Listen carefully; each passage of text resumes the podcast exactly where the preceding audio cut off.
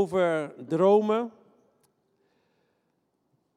en over beslissingen. Er zijn zes fasen of zes aspecten rondom een droom. Eén, je moet die droom hebben, ga ik zoiets over zeggen. Dan moet je beslissen. Dus het tweede ga ik zo ook over hebben. Dan moet je voor jezelf vaak wachten. In dat wachten vormt God jou. De vierde fase is, dan komen er moeilijkheden. En dan ben je geneigd om het op te geven. Als u al die fasen wil, moet u of op YouTube kijken komende tijd of gewoon hier zijn. We behandelen ze allemaal. De vijfde fase is dat u op een doodspoor bent, de dead end, dat u denkt, weet je, ik ben begonnen met die droom, maar het is, is een prachtig Nederlands woord voor, het is Gods onmogelijk dat die droom in vervulling gaat. En precies dat Gods onmogelijke moment in de vervulling van uw droom, is waarom u steeds de Heer nodig hebt.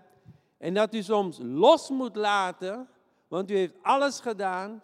En laat God uw droom vervullen. En die zesde fase is, dan is er die doorbraak en die zegen.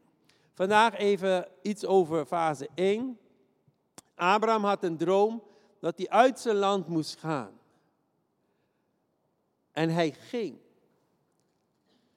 God heeft voor u zelf persoonlijk dromen. Ook voor uw gezin, ook voor de gemeente, ook voor de gemeenschappen. En het gaat er wel om dat u zichzelf toewijdt aan de Heer.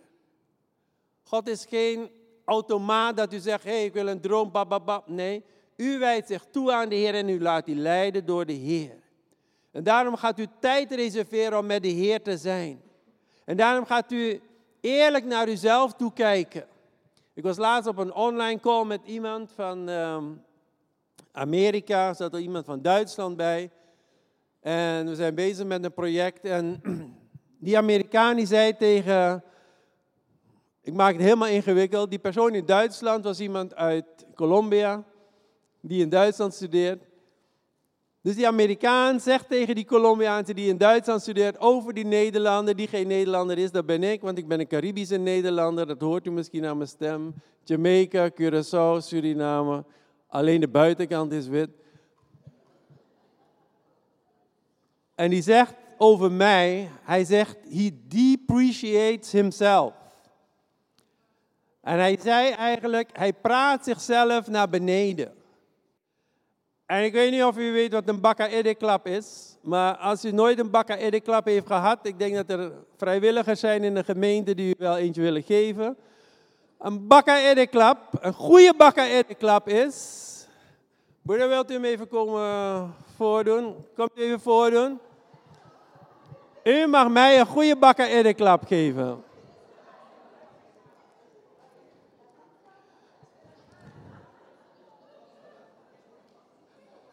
Hey, luister, waarom ik deze broeder. Sorry, waarom ik deze broeder vertrouw. Gisteren hebben we hier praise en worship gehad en we hadden twee mensen die dansten hier voor. Eén die danste daarachter en onze broeder die danste helemaal daar. Maar goed, bent u links of rechts? Rechts, oké. Oké, je moet bakken in de klap nou. U mag, u mag met uw rechterhand. Die is zwaar, die rechterhand is zwaar. Oké. Dus ik zit gewoon. Mijn vader zit achter me.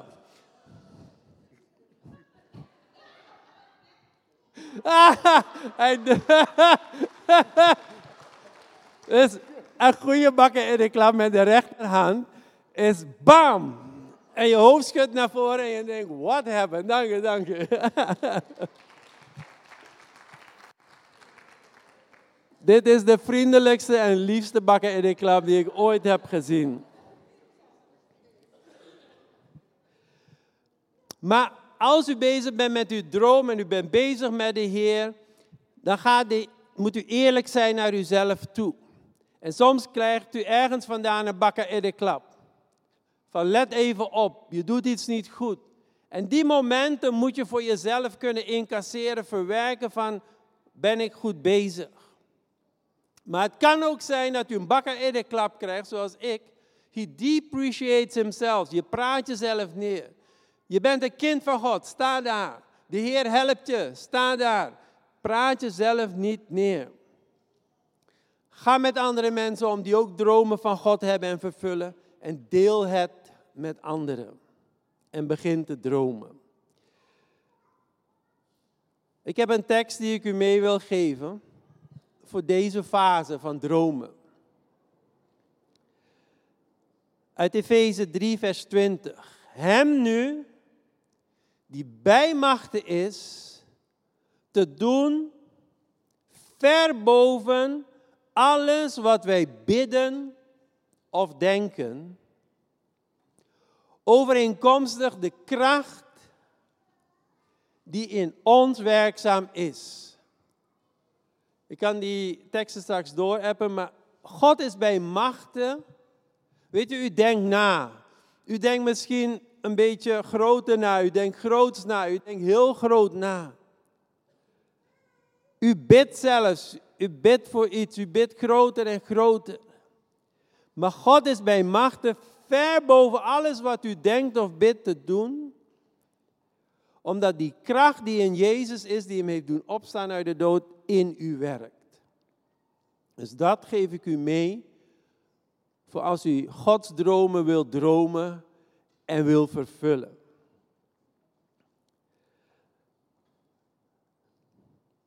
Dan ga ik u nog een tekst meegeven en dan komen we op een beslissingsmoment. Stel dat u een droom van God hebt gehad. U bent het erover eens, het is een droom van God. Het is niet puur uit uzelf. Ik zeg niet dat het niet uit uzelf kan komen, dat is prima, maar het moet geaccordeerd worden door je Heer. Stel dat u een droom heeft gehad en u herkent eigenlijk, hé, hey, dat is een Godsdroom. En God wil dat ik het ga vervullen. Weet u wat het makkelijkste is? Ik zeg het even plastisch, maar u laat die droom, die godsdroom in Gods handen. Ja, no one. Ja, als God het wil.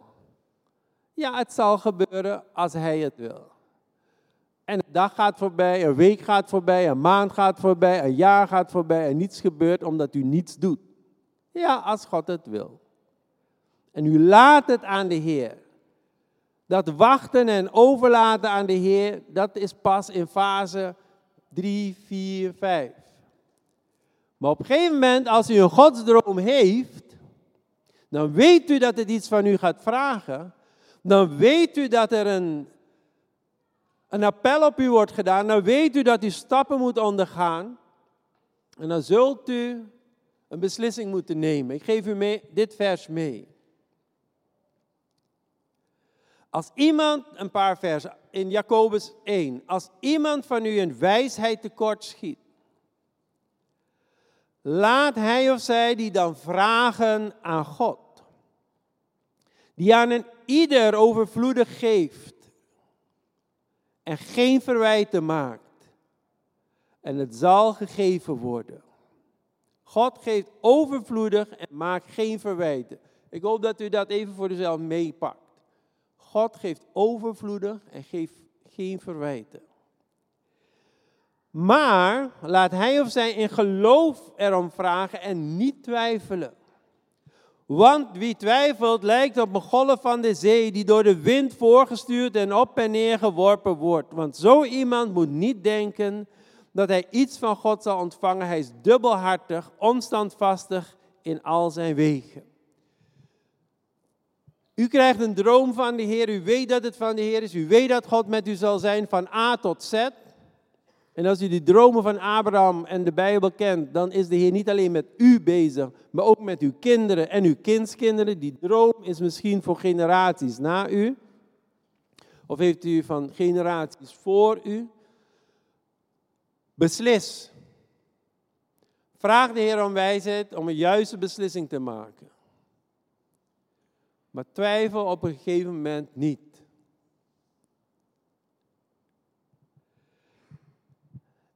We willen zo naar de doop gaan en dan hoort u nog wat getuigenissen. Maar ik wil echt even twee minuten met u praten over uw dromen die u heeft. Er zijn dromen in uw leven die onzin en onzinnig zijn. Die zult u moeten loslaten. Er zitten op de boekentafel nog twee boeken van Laat Los.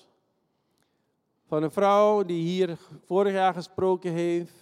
Ze zat in een ongeluk, had hersenbeschadiging en ze moest daarmee leren omgaan.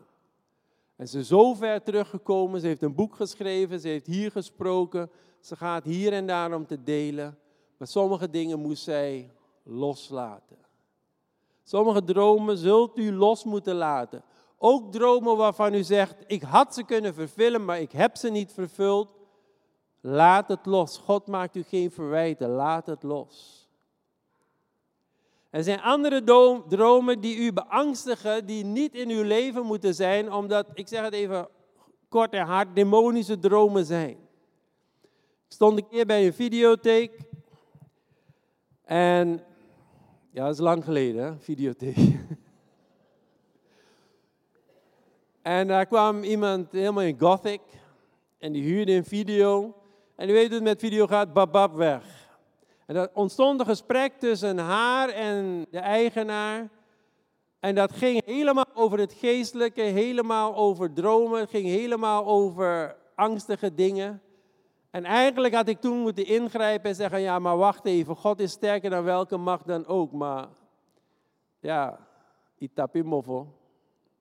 Je bent bescheiden. Dat is wat Elise zegt, hè? in deze cultuur, je deelt niet moet iets vrijmoediger zijn. Maar er zijn mensen die last hebben van negatieve dromen. En die moeten een stukje bevrijd worden. Als u na de dienst wil, zegt van luister, ik wil een gesprek of ik wil gebed. Ik ben een, Gitan is er. Er zijn anderen. Maar ten diepste vraag aan de Heer om eigenlijk een filter te halen door uw dromen. Maar ik wil, het gaat me hier om wie u ook bent, God heeft dingen op uw hart gelegd, heeft dingen in uw gedachten gelegd, of gaat ze nog leggen. En het lijkt onmogelijk, het lijkt te mooi om waar te zijn. Of het lijkt te moeilijk om te kunnen. Maar durf nou met God een één op één aan te gaan en te zeggen, Heer, als u voor mij een droom heeft, laat het mij dan zien. Zullen we gewoon rustig blijven zitten en naar de Heer toe gaan? Vader in de hemel, wij danken u dat u mannen en vrouwen hebt geroepen in de loop der geschiedenis. Mannen als Abraham, die een droom kreeg om u te dienen.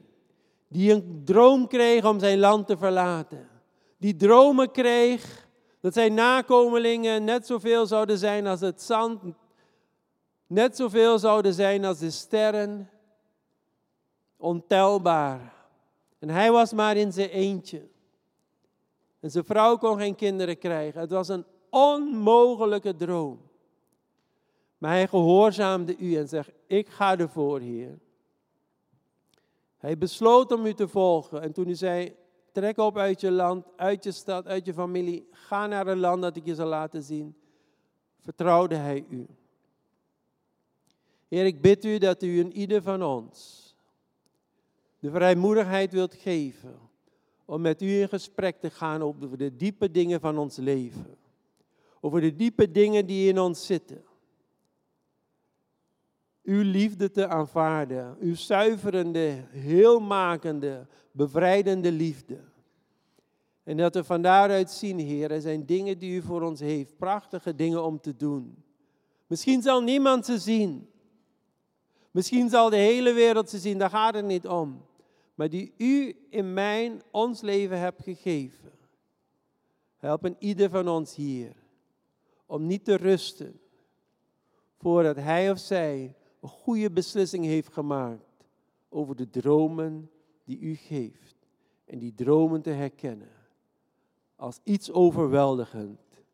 Want u bent een God die overvloedig kan geven. Die boven bidden en boven denken kan schenken. In Jezus' naam. Amen.